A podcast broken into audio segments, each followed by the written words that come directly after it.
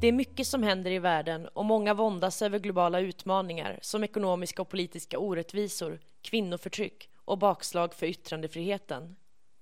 Under Almedalsveckan bjöd FUF och omvärlden in till tre terapisessioner där en terapeut och en klient möttes på scenen för att lätta sina hjärtan och finna ljusglimtarna i den turbulenta världsutvecklingen. I det samtal du nu ska få lyssna till pratar vi om yttrandefrihet i skottgluggen. Medverkar gör RFSUs ordförande Hans Linde, Mellanösternkorrespondenten Cecilia Udén, artisten och poeten Emil Jensen och omvärldens chefredaktör Ylva Bergman. Samtalet spelades in den 4 juli 2017. Om du vill se filmen från seminariet så hittar du den på vår hemsida, fuff.se. Och välkomna till Bota din världsångest med tidningen Omvärlden och Föreningen för utvecklingsfrågor FUF. Kom gärna in lite grann så alla får plats och kan vara med här. Nu har ni varit på massa spännande samtal under hela dagen i Almedalen och kanske känner lite ångest, vem vet?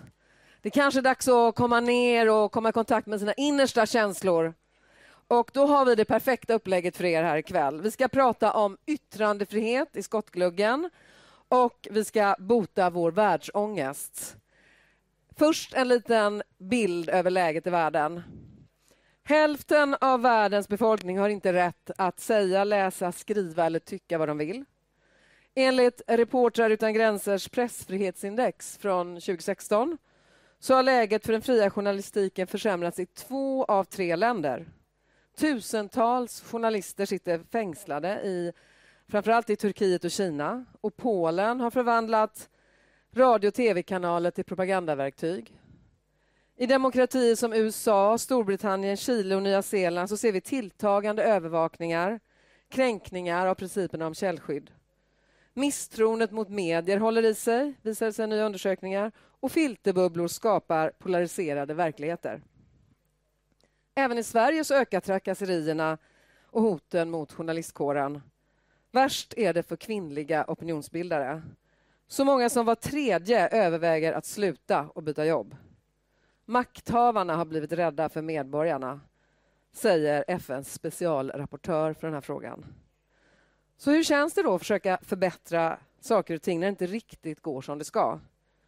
Det ska vi borra vidare i här i det här terapisamtalet. Och dagens terapeut är Hans Linde, ny ordförande för RFSU och tidigare politiker för Vänsterpartiet som har suttit i utrikesutskottet. Välkommen upp!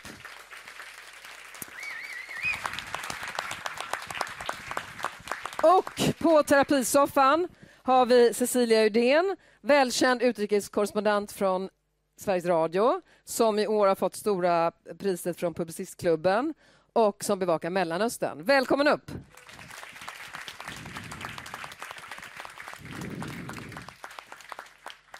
Och eh, ni får gärna skriva in era tankar om världsångest under hashtaggen världsångest. Eller gå och lägga en liten lapp i Björns ficka. Han sitter här och är väldigt snäll. Och han kommer sen liksom bolla vidare det till eh, oss och Emil Jensen som kommer komma sen, som jag ska presentera lite mer specifikt då. Eh, men eh, nu säger jag varsågoda till Hans och Cecilia. Terapin kan börja. Tack så mycket. Då får jag börja med... Är det du som ska bota mig? Det är, det är det som är mitt jobb här idag. Och Cecilia, får börja fråga, är det okej att jag säger Cecilia till dig?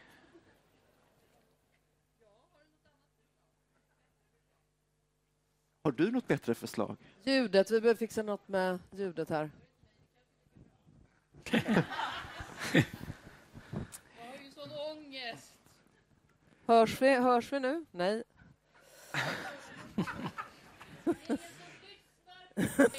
Ångest! Men Cecilia, Jag då, visste det. då har du jag kommit till alldeles rätt plats, för jag är här för att lyssna på på dig. mig. Men Cecilia, kan du inte berätta, varför känner du ångest? Ja, det ska väl du skita i. jo, men jag känner ångest när jag tänker på vissa barn jag har intervjuat som är kvar i det där helvetet. Det tror jag alla journalister gör. Eh, och sen eh, känner jag ganska stark ångest över eh, all form av yttrandefrihet i Mellanöstern som inte existerar idag. Eh, och eh, jag tänker just nu på det ultimatum som eh, det lilla Gulflandet Qatar har fått från eh, Saudiarabien och de andra Gulfstaterna att de ska stänga Al Jazeera. Och man kan tycka vad man vill om Al Jazeera. Eh, ni som tittar på Al Jazeera English tycker säkert att det är en ganska bra kanal eh, jämförbar med BBC och CNN och, och det eh, kan jag hålla med om. Al Jazeera på arabiska är mer eh, opinionsbildande och står eh, islamistiska grupper ganska nära, framförallt det muslimska brödraskapet. Det var därför de kastades ut ur Egypten. Men nu finns alltså ett krav på att Al Jazeera ska stängas helt och hållet. Och vad man än tycker om Al Jazeera så har det varit en, ett forum för yttrandefrihet under väldigt många år. Och det var, eh, jag var på ett seminarium idag där någon sa att hade det inte varit för Al Jazeera så hade vi aldrig sett någon arabisk vår. Eftersom det var på Al Jazeera som man först fick ta del av olika ståndpunkter på arabiska. Eh, ingen statsmedia, utan en kanal som kunde intervjua en israelisk politiker och en palestinier och en egyptier och en eh, regimmotståndare och en regeringsföreträdare och det var någonting helt nytt och unikt. Sen kan man ju tycka att Al Jazeera har eh, spårat ur en hel del, men att det nu ställs ett krav på att denna kanal ska stängas är ohyggligt. För att inte tala om alla andra oppositionella eh, medier som finns och som hotas och blockeras i Egypten idag till exempel. Men hur känner du jag tänker inför den här utvecklingen, hur tar sig den här ångesten uttryck? Känner du hjälplöshet? Känner du hopplöshet? Ja, det gör jag. Vad ska jag göra? Um, ja, visst. Det finns en stor eh, hopplöshet, det finns en stor eh, eh, uppgivenhet i hela Mellanöstern eftersom så många förhoppningar har grusats. Och ehm, alla de som var aktiva och hoppfulla 2011 inte ens riktigt har kunnat bearbeta. Och ja, de har inte fått komma till dig och ligga här på soffan och bearbeta mm. sin ångest. Mm. för att de antingen har tvingats i exil eller tvingats göra någonting helt annat än det de gjorde då. Men den här ångesten du känner inför en situation som möter många av dina kollegor, i synnerhet i Mellanöstern, gäller också den här ångesten din, din egen livssituation och dina egna möjligheter att utöva din yrkesroll? Ska jag vara helt ärlig? Nej. Det är därför du är här. Nej. Oh, nej, men då känner jag ju mig som en smitare. För jag kan göra nästan vad jag vill i Eh, nej, det kan jag inte. Men i Egypten där jag bor, där är det inte så eh, många som har ögonen på mig. De klagar på mig från egyptiska myndigheter gentemot eh, svenska UD, men, men de eh, Eh, försöker inte hindra mig, vilket de gör med alla mina egyptiska kollegor och vissa av mina anglosaxiska kollegor. Och ehm, Eh, och sen har jag blivit eh, nekad visum och utkastad från vissa länder som jag vill bevaka. Eh, men min egen ångest över mitt eget arbete är absolut inte lika stor som eh, deras problem, mina kollegors problem. Egyptiska journalister, som eh, vissa av dem, som kämpar vidare på eh, webbtidningar som blir nedstängda, som måste byta proxyserver, som måste... Och ändå lyckas de komma ut med sina artiklar de publicerar på Facebook i slutändan. Det är viktigt att understryka att även om det finns de i världen som har det värre än du har, så har man var och en individ själv rätt till sina egna känslor och ja, känna sin ångest. Eh. Men det, det, är ingen annan som har sagt detta till mig. Åh, oh, vad bra. Tack. Jag måste också... Nu känns det lite bättre. Så omfamna din ångest, Cecilia. Omfamna du har rätt, min ångest? Du, du, har rätt, du har rätt till din ångest. Men jag måste ändå... Rätt till min ångest? Ja. Vad menar du? Du ska inte ha dåligt samvete för din Nej, ångest. jag är arg. Jag har inte dåligt samvete. Det, och ilskan kan vara en bra motor för förändring. Aha. Men jag måste ändå, jag, jag tänker så här, jag är ändå KBT-terapeut här, uh, så jag måste ändå... Men KBT, har vi inte slutat med det nu? Kom igen. Uh, jag, jag det är tillhör... ju bara sånt där som uh, myndigheter använder för att eh, folk ska gå till jobbet igen. Eller hur? Nu Jag inte... ligger ju här nu, jag tänker inte arbeta på länge. Jag, har tänk- problem. Nu ska vi tydliga rollerna här, att det är inte du som ger mig terapi, utan tvärtom. Nej, men lite regi verkar du behöva. För jag tänker ändå så här att när man känner ångest och oro så kan man ibland behöva sortera lite i den. Är orsakerna till sin ångest någon som ligger utom ens kontroll? Någonting som man kanske till och med får jobba med acceptansen för? Eller är det så att de, källan till oro är någonting du också själv kan påverka? Hur känner du där Cecilia? Känner du att du kan påverka de här orsakerna till din oro och din ångest? Nej, det kan jag inte. Och jag vet att det är det stora problemet, inte bara för mig utan för många andra.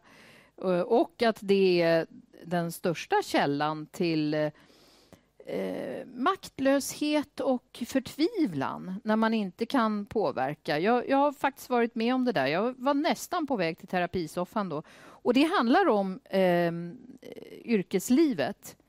Eh, om man eh, utsätter sig själv för väldigt svåra eh, situationer eh, eller man låter sig själv bli vittne till väldigt hemska saker eh, då eh, uppstår en, eh, en sån här eh, obalans i sinnet och eh, då behöver man nästan alltid en orsak att eh, eh, gjort det där, att jag har utsatt mig för det. Det här låter så luddigt så det är lika bra jag tar konkreta exempel. Gärna. En gång när jag rapporterade från USA så eh, var jag, skulle jag rapportera från en avrättning. Alltså jag var vittne till en avrättning och eh, skulle rapportera om detta. Och nu i efterhand så ångrar jag det ganska mycket eh, eftersom man känner sig väldigt smutsig efter att ha gjort en sån sak. Att ha varit vittne utan att ingripa. Och jag var i USA som korrespondent. Jag hade tidigare varit i Egypten som korrespondent och då hade jag, jag började sen jämföra de här situationerna i, för mig själv som min egen terapeut eftersom du inte var där. Eh, jag hade blivit erbjuden av vår portvakt att få åka till hans by och vara med när en av hans kvinnliga släktingar, en liten flicka, skulle bli omskuren.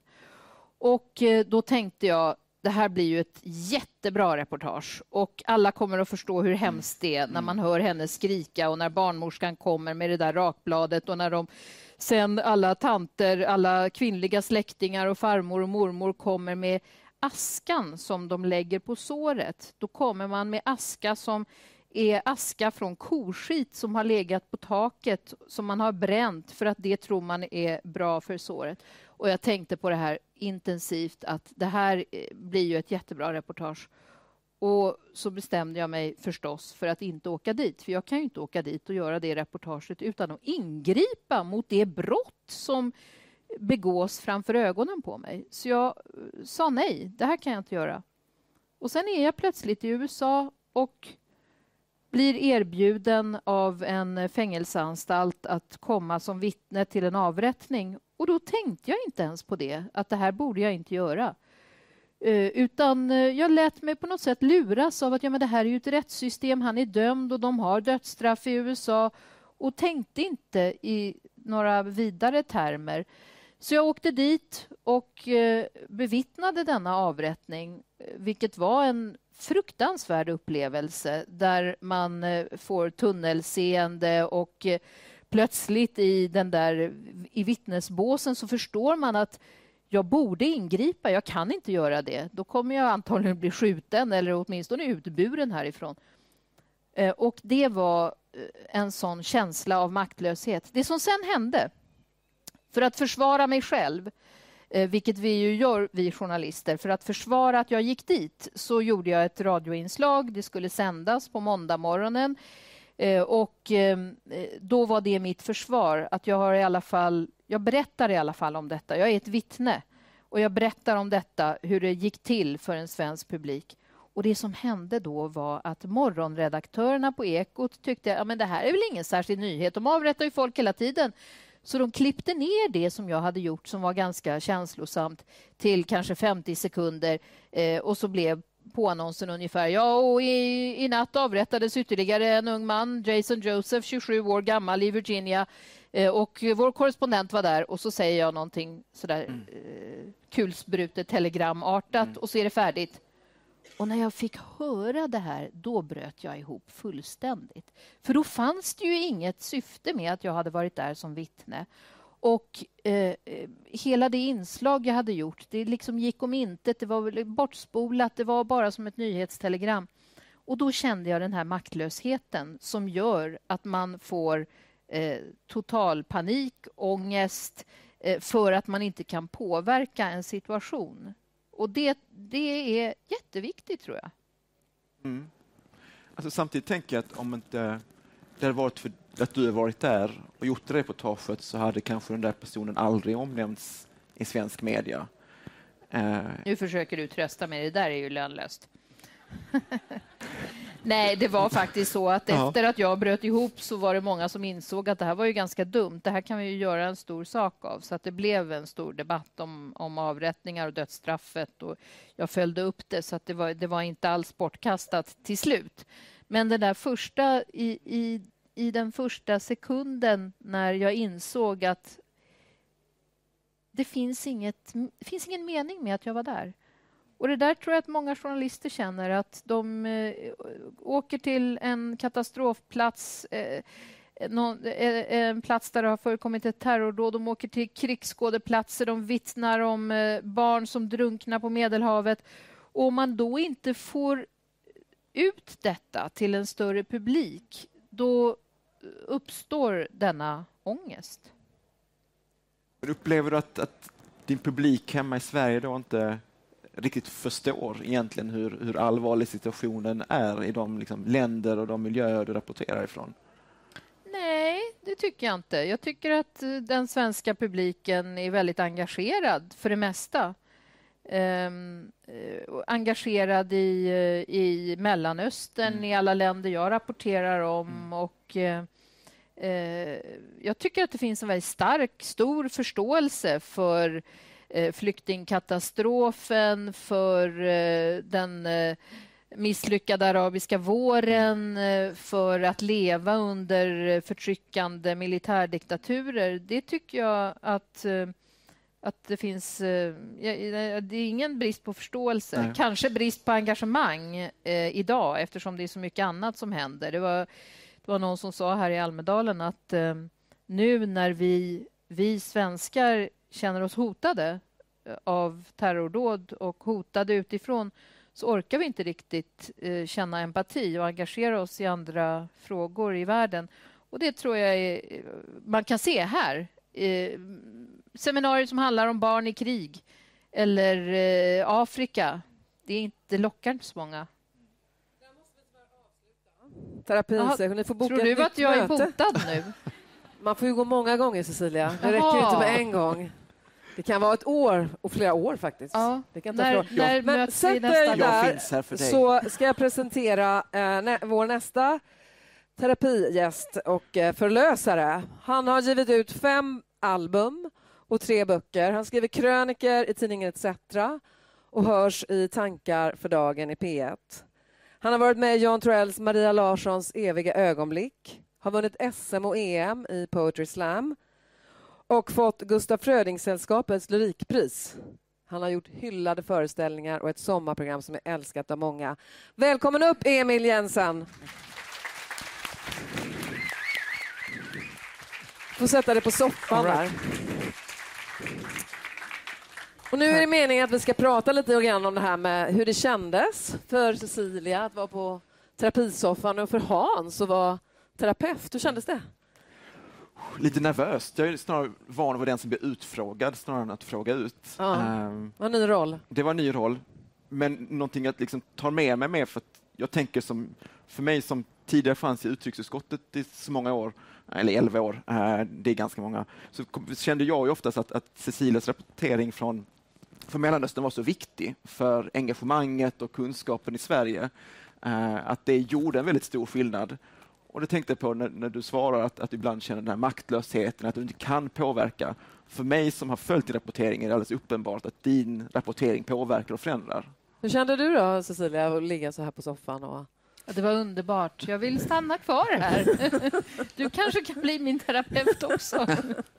Kanske det är Emil, då, du som tittade. Vad, vad, känner du? Har du världsångest kring det här med yttrandefrihet och att det är tuffare läge i världen? Jag vet inte om jag har världsångest. Jag tappade rösten för det var så stark upplevelse. Nej, jag får börja med att säga att jag har nästan ingen röst om ni undrar vad det är som pågår här i mikrofonen. Men jag hoppas att ni ändå kan höra mina ord. Eh, nej, jag tänker inte att jag har eh, kanske världsångest kring yttrandefriheten utan jag försöker på något sätt decentralisera min ångest till att bli lite mer regional. Och, och, så att det blir lättare och, och vad ska man säga, lättare att behandla och lättare att jobba med. Aha, och med regional så menar du vad då Sverige eller Almedalen? Nej, eller? Nej, Han är ju ångestproffs. Decentralisera ja, ångesten. Ja. Du, du anar inte.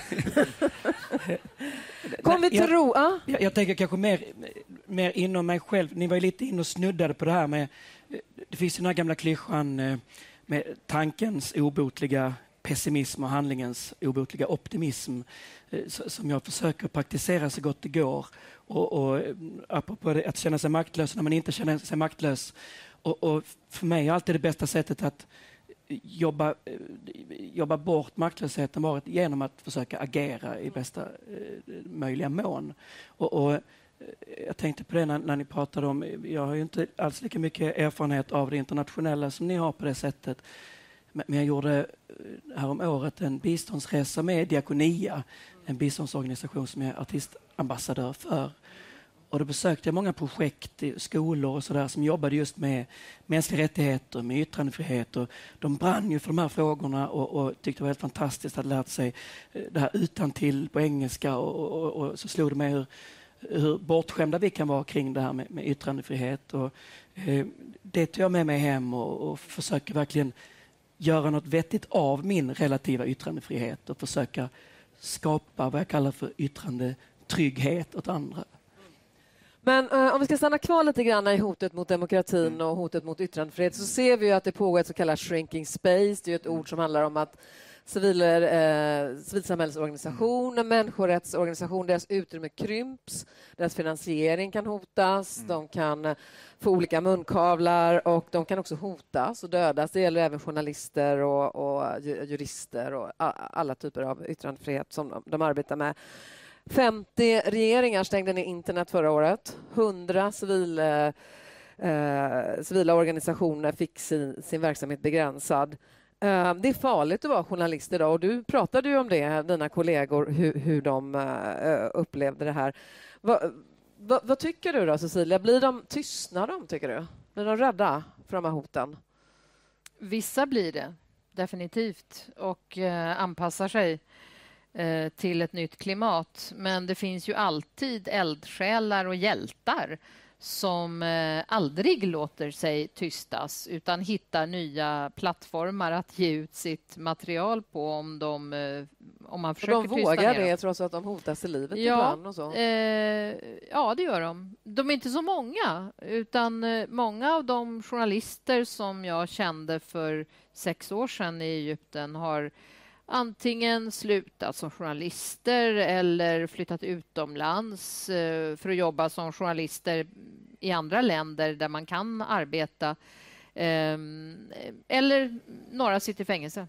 Tror du att du skulle våga att vara så frispråkig som du är om du hade till exempel varit egyptisk? Absolut inte.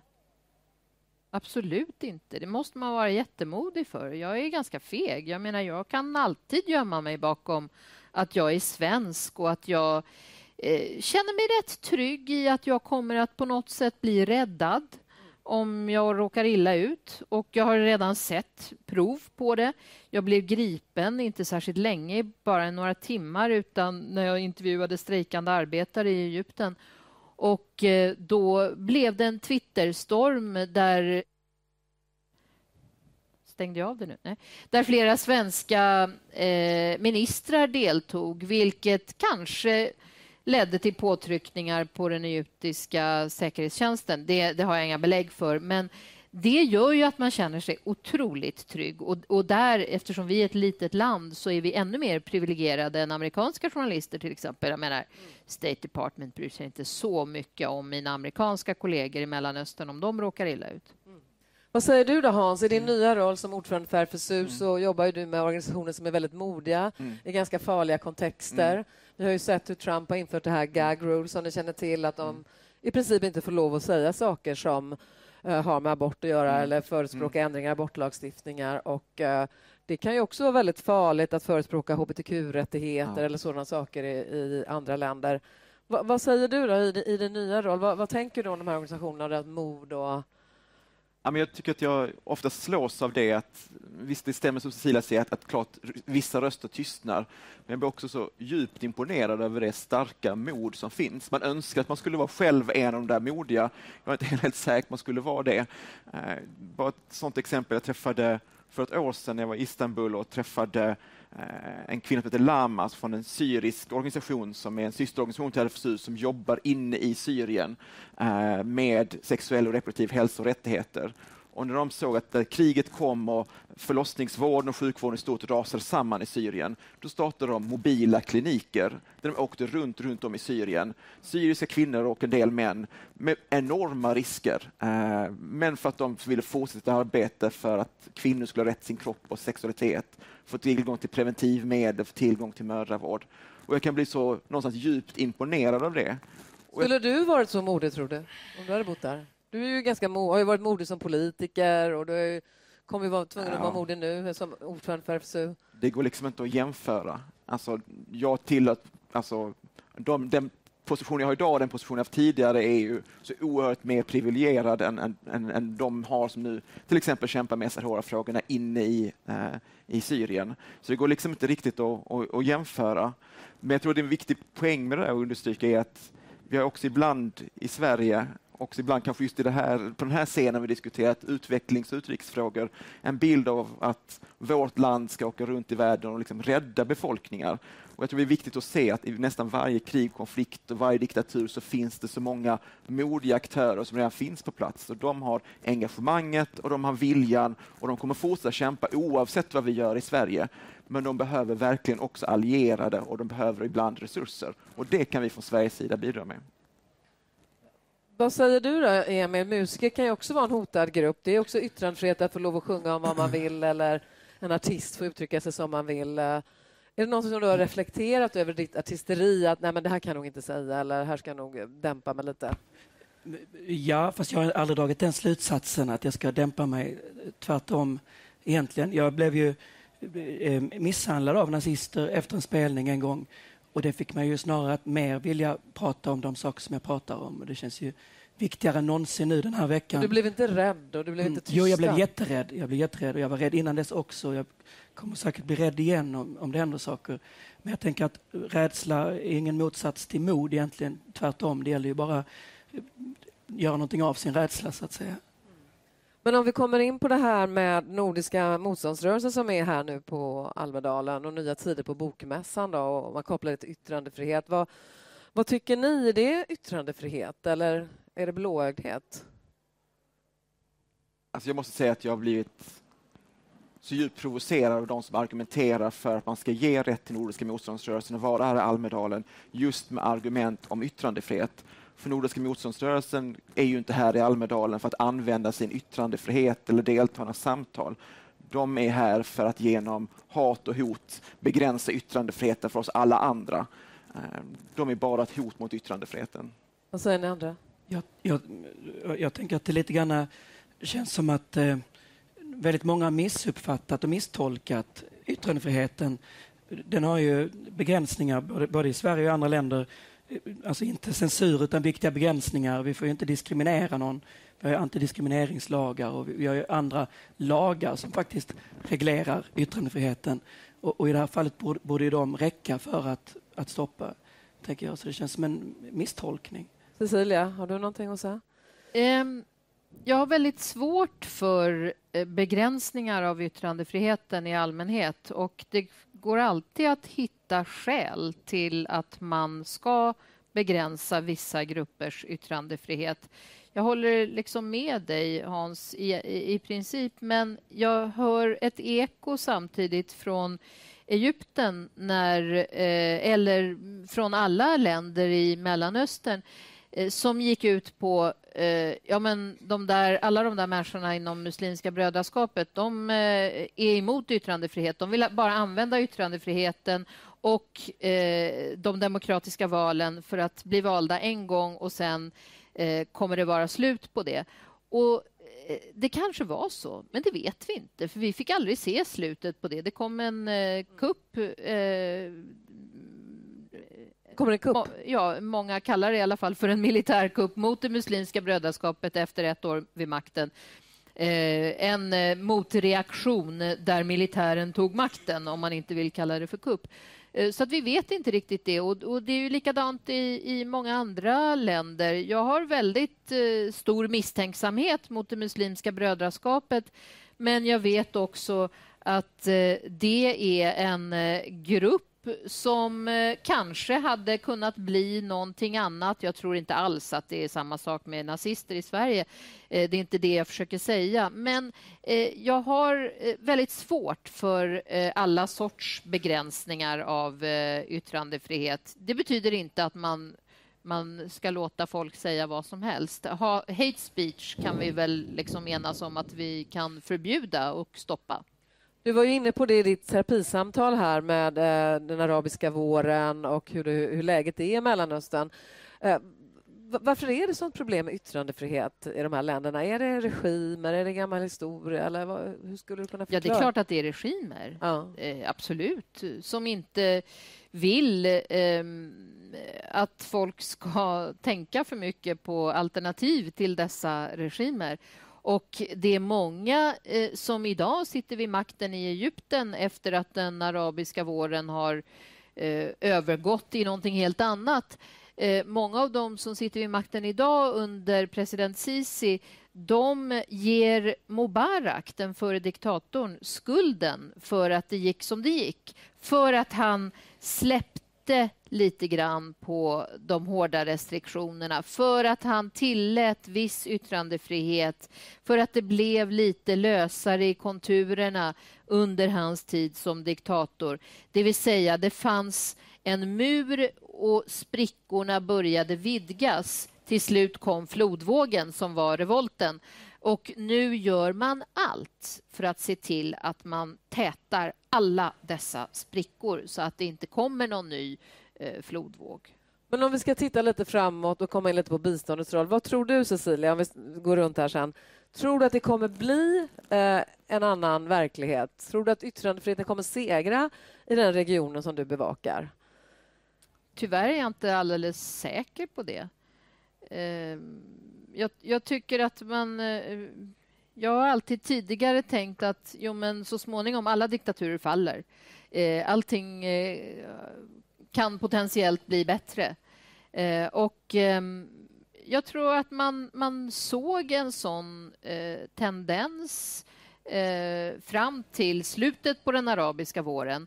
Och nu är det så många andra krafter. Det är ju inte bara en diktator i ett arabland utan han är uppbackad av kanske Ryssland, eh, andra nationer. Det finns en maktkamp mellan Saudiarabien och Iran i regionen som gör att eh, de här eh, aktivisterna som ville störta en liten diktator i ett litet land har så många stora jättefiender som har så stora resurser att kväva eh, både demokrati och eh, kritik och yttrandefrihet.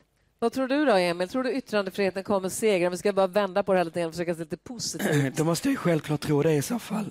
Uh. och eh, jag kan väl eh, ta vid i det sen med en liten, eh, en liten prata jag kom på att jag kanske borde göra här nu. Så får jag väl vara så motvikt då och, och tro det. Men jag tänker också att man måste ha enormt långa perspektiv.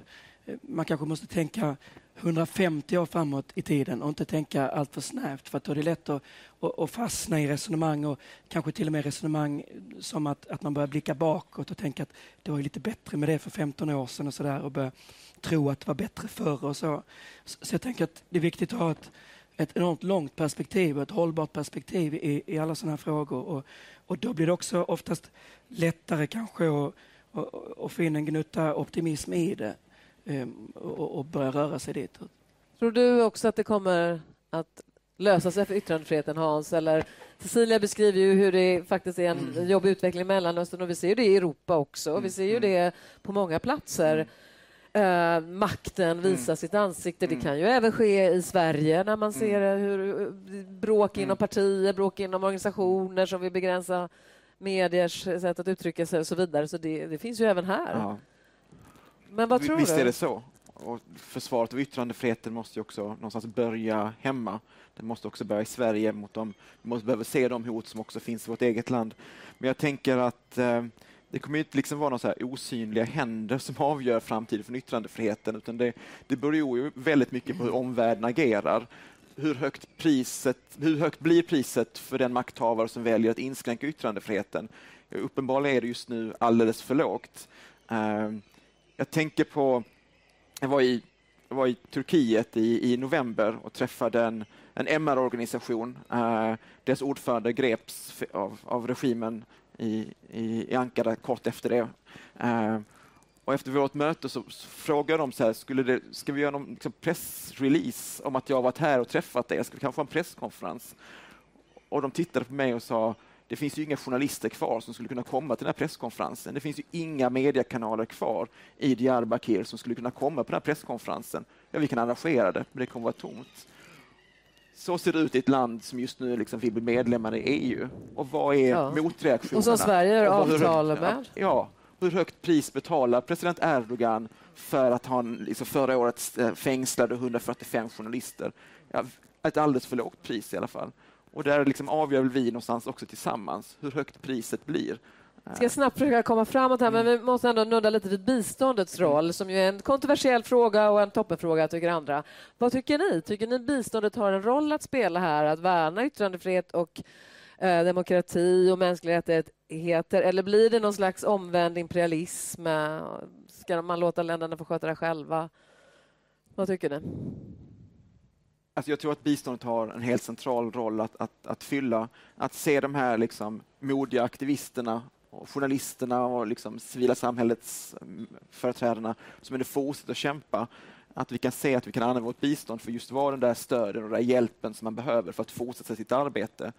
Jag har väldigt svårt att se att ja, det, det, skulle vara en form av imperialism att, att egentligen försvara ett lands egna medborgare i deras kamp för sina rättigheter.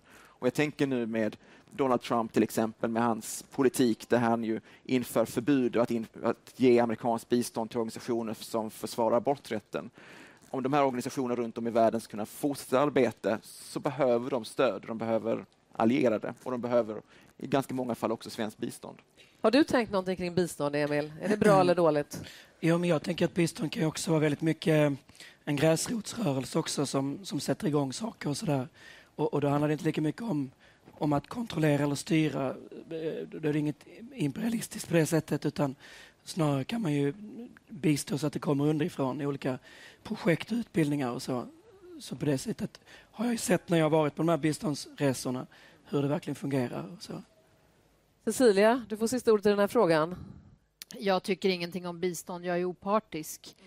Men eh, en sak som är ett stort bekymmer faktiskt är att Sverige har eh, stött väldigt viktiga organisationer i Mellanöstern. Eh, viktiga människorättsorganisationer i Egypten och även eh, alternativmedia. Och eh, med de restriktioner som finns i nästan alla länder som försöker begränsa yttrandefriheten så kan det biståndet inte fortsätta. Inte för att Sverige inte vill, utan för att de får inte ta emot det. Och det är väldigt allvarligt. Vi ska se här om vi har fått in några frågor från uh, publiken. Och Björn här då, kanske har en liten fråga till er. Vi går lite över tiden här nu, men jag tycker att det kan vara okej, okay, för mm. det kommer in efter. Så jag bestämmer det. Jag har lite kommentarer. Har jag. Vi, eh, vi kör ett 45 minuters terapisamtal och vi eh, har samtidigt bett allmänheten att komma in med sina bästa bottips till sin världsångest eh, på 140 tecken. Eh, och då har vi fått in lite, vi har både högt och lågt. Eh, vi har alltså Mikael som tycker att eh, det handlar mycket om att vara i nuet. Eh, och att njuta av vardagen. Det är ett sätt att göra det. Eh, en annan som heter Linus som tycker att man ska göra det man tycker om, alltså hitta ett syfte vi har också en, en, person som heter Karin som tycker att man ska starta det lilla med grannsämja. Att sträcka en hand över till grannen, erbjuda kaka. Det, det, är någonting. Vi får också en känga här eh, för att eh, eh, vi gör ett terapisamtal. Att terapi kanske inte är rätt väg att gå utan man ska uppmuntra ett inspirerande ledarskap. Jag tycker vi har jättetrevligt, men det är någonting man kan ta med sig. Eh, och sen så har vi till sist en uppmuntring, alltså mer världsångest. Världsångest är, en, vilket vi har också kommit in på med Emil, alltså en drivkraft till förändring. Så där kommer den. Eh, det kan vara bra med världsångest, mer världsångest. Spännande. Då får ni kommentera det här. Sen skulle jag gärna vilja höra som sista eh, ord, vad gör ni själva i vardagen för att, att känna att ni driver saker framåt och skapar lite positivitet? Vill du börja, Hans? Vad tyckte du om de här kommentarerna? Var något du som, det där känner jag igen? Nej, men man kan, man kan, kan fnissa åt de här liksom lite vardagliga liksom sakerna, men någonstans behöver man också hitta sin energi. Man behöver ha sina platser där man kan samla kraft för att sen liksom fortsätta orka göra de olika saker man gör beroende på var man är någonstans. Det ska liksom inte underskattas. Eh. Vad gör du då? Ger du pengar till tiggare eller går ut och gör sån här, vad heter det, man samlar med gammal mat och gör, använder den och lagar med igen? Och, vad gör du för någonting själv? Vad kallas det för? Uh, ni vet vad jag menar. Samla gammal mat. Jo, men man tar ju sån här slängd mat. Dumpster-grej. Nej, men Uppenbarligen gör inte du det. Nej. Det är därför du inte har någon ångest. Jag, kan... jag får tala ut om det sen. Alltså jag, jag, nej, det skulle inte vara lösning på den ångest jag känner. Nej, men jag, så här, någonstans får man börja i det lilla också, att titta liksom på de man har runt omkring sig. Att, att se till att eh, de man har, tycker bäst om i livet, att de också liksom, man kan ge kärlek och stötta varandra genom det lilla. Men måste ge ett tips här nu. Vad är ditt bästa tips? för att, Är det Netflix, droga ner en tv-serie eller liksom springa? Eller vad gör du? Om man ska ändå då lyfta det lite en nivå liksom, utöver liksom det här helt vad du sa, samla gammal mat och sånt. Så tänk ändå att, Kanske att ja, men få saker ger mig mer kraft och energi och inspiration att faktiskt försöka möta några av de här aktivisterna. Det, antingen att man reser själv eller att man också idag med liksom teknologi har kontakt över sociala medier eller vad man än gör. Men bara den där dialogen med aktivister i andra delar av världen, att få ta del av deras mod och deras, deras berättelser. Mm. Vill du vara dem då? Nej, det, det, det, är klart man inte känner... Nej, det är inte som att man känner direkt avundsjuk. Är du säker på det? Ja, det är jag ganska säker på. Men det är någonting med det här modet i det lilla. Människor som trotsar makten, som vågar stå upp för det de tror på. Det ger kraft, energi och inspiration. Och du känner att du gör någonting då i och med att du är engagerad i de här frågorna kanske också? nu är jag förbundsordförande i en organisation som verkligen gör skillnad både i Sverige och internationellt. Nu får du lägga dig här på soffan.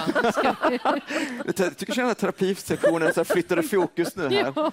Okej, vi går över till Emil. Var, var det något du nappade på av uh, de här sakerna som kom upp här? Tycker du att det är mm. fel att vi har en terapisoffa? Tycker du att det är bra att man nej, gör något med, i det lilla? Det där med mer ångest tyckte jag lät bra. Det tyckte du lät bra? nej, nej, I alla fall i betydelsen att det behöver inte vara motsatsen till Alltså, jag, du började tidigt med omfamna din ångest, vilket du vägrade göra. Men, men det, det, tror jag ändå kan vara bra ibland att göra. Cecilia, då, du får sista ordet här. Vad något du nappade på? Vad gör du själv när du känner att nu är jag deppig, nu måste jag liksom ta tag i det här? Eh, men, eh, lite samma sak som du sa här, att möta människor som eh, har en eh, kraft att, och en vilja att förändra. Eh, det, det ger mig väldigt mycket energi att rapportera om eh, människor eh, en kvinnogrupp i en liten by som gör, där unga tjejer gör teaterföreställningar mot könsstympning och de samlar hela byn i en lada och har en föreställning. Så att se sånt gör, eh, gör att man kan bota en världsångest faktiskt. Och det här är ju väldigt små eh, händelser eh, i dagens Mellanöstern eftersom det inte är stora massdemonstrationer på Tahrirtorget utan det är en mindre skala men Det det är väldigt... Decentralisera. Du decentraliserar Ja, det den är världsångest. Du gör det. Du gör det. Decentraliserad ångest, det är en grej Alltså- alltså. Men Det är inte dumpstring, fantastiskt att man får, får eh, termer för allting. Decentraliserad och omfamna din ångest. Ja. Och dumpstring då, vad tror du om det? Gammal mat och recycla? Samla gammal manna. Det är det vi ska göra sen här. Ja, vi går ut Vi går till roséminglets eh, dumpster. Med det sagt så tror jag att den här terapisoffan är klar. Imorgon så ska vi prata om eh, rubbad maktbalans med Ulrika Moder och Claes J.B. Lövgren. Men jag tackar Hans Linde så länge och jag tackar Cecilia Udén. Tack så mycket för att ni kom hit. Och så får Emil Jensen göra sig redo här för en liten... eh, får, ni får gärna sitta kvar här medan Emil spelar. Ni kan ligga ner också. Eh, då är det ju så här att konst kan ju faktiskt vara Poesi, musik kan ju vara ett sätt att lindra sin världsångest, eller hur? Man kan känna igen sig, man kan gråta lite. Jag brukade gråta till Tell Gärdestad när jag var liten. Det tyckte jag var ganska skönt. Någonting kom ut där. Vad ska du sjunga och varför har du valt det här? Jag vet att du har ont i rösten, så du, du kanske... ont, ont i rösten var ett bra uttryck. ja, verkligen. Um, världsångesten sitter i mina stämband. Ehm, jag misstänker att jag inte kommer kunna sjunga överhuvudtaget. Um, det kommer inte låta bra i alla fall. Någon annan får gärna komma upp på scenen så kan jag kompa den på piano. Men jag, jag tänker jag kör eh, en dikt i alla fall. Det är det minsta jag kan göra, tänker jag. Och om jag får tillbaks rösten mirakulöst under diktens gång, då kanske jag spelar en låt. Ja. Kommer du spela någonting utan sång för oss, eller? Nej, du Jag ska ta. D-moll. Ja, det är vackert. Det är vackert. Ja, Moll är alltid bra. moll är bra. Dur och moll om vartannat. är Okej, bästa. tack så mycket Emil Jensen. Varsågod, scenen är Tack. din. Tack.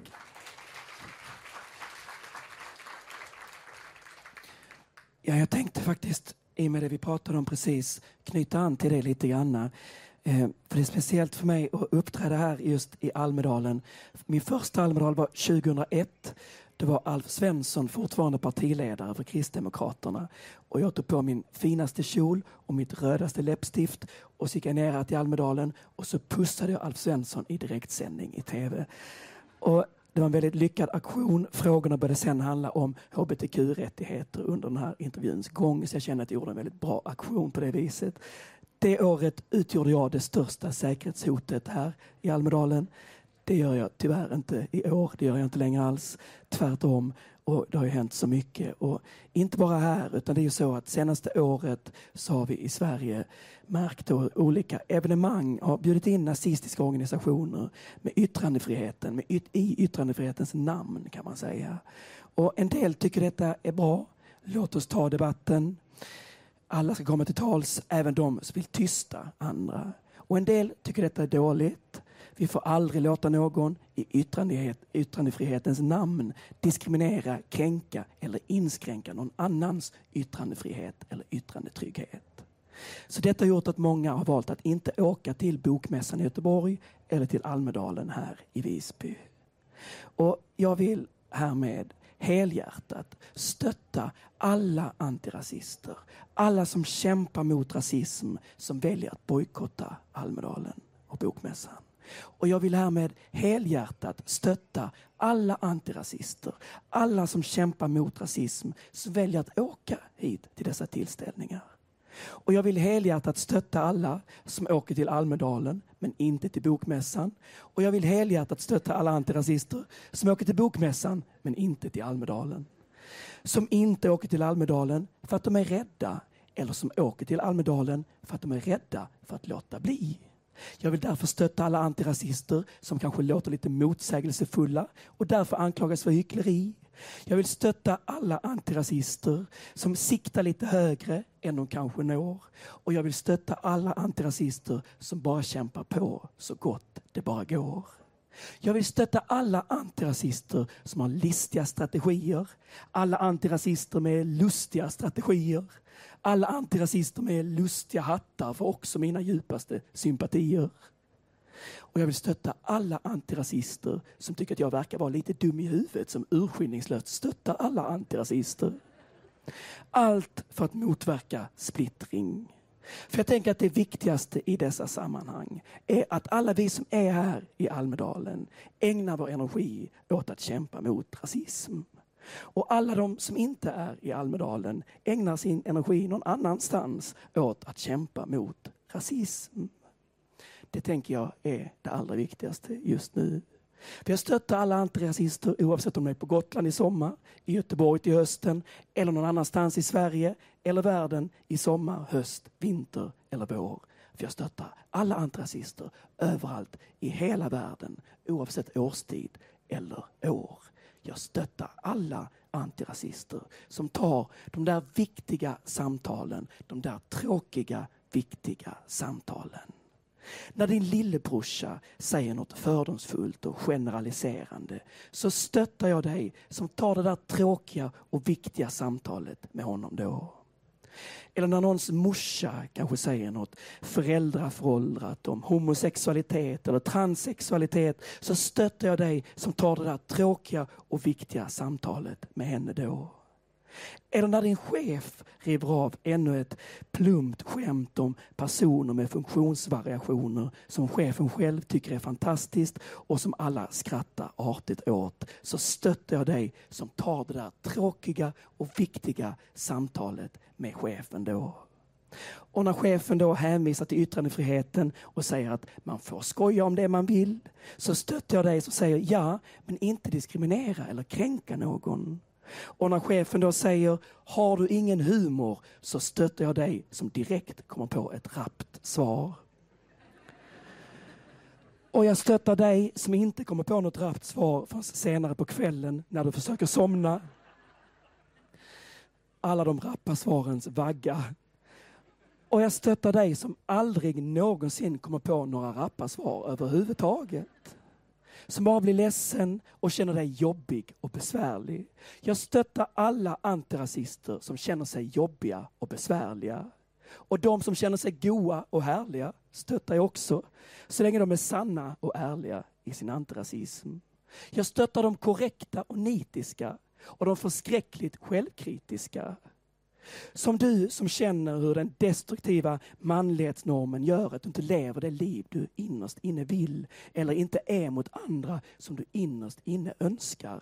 Då stöttar jag dig som tar det där inre, jobbiga, tråkiga samtalet med dig själv som är allt annat än tråkigt när ni väl har pratat ut. Dig stöttar jag och jag stöttar alla antirasister som alltid tar debatten. Och jag stöttar alla antirasister som inte alltid tar debatten. Som undrar om debatt egentligen är en kommunikationsform eller bara ett sätt att vinna en retorisk tävling utan innehåll, vilket suger musten ur dig. Och dig utan must vore så synd nu när musten behövs som allra bäst. Jag stöttar alla antirasister utan must och jag stöttar alla antirasister med must. Alla som orkar och alla som inte orkar. Jag orkar. Jag må vara lite hes, men jag känner mig stark och lycklig. Så om någon känner att den inte orkar mer, så prata med mig så kan jag gjuta lite kraft och mod i dig och framförallt stötta. För om du är antirasist så kan du räkna kallt och framförallt varmt med att jag stöttar dig.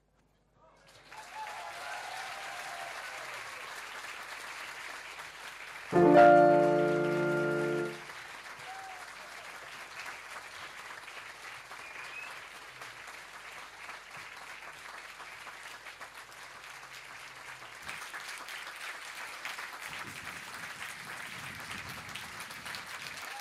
upp med er andra också.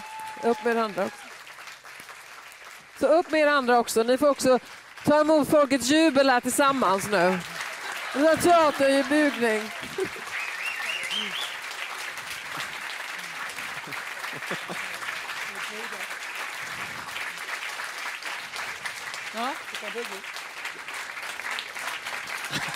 Tack så mycket Cecilia Udén, Emil Jensen och Hans Linde. Nu är det slut. Nu får ni gå ut och stötta varandra. Och glöm inte att dumpstra. Tack för att du lyssnat på FUF-podden. FUF är en förening som sprider information och skapar debatt om globala utvecklingsfrågor. Mer information om vår verksamhet hittar du på fuf.se.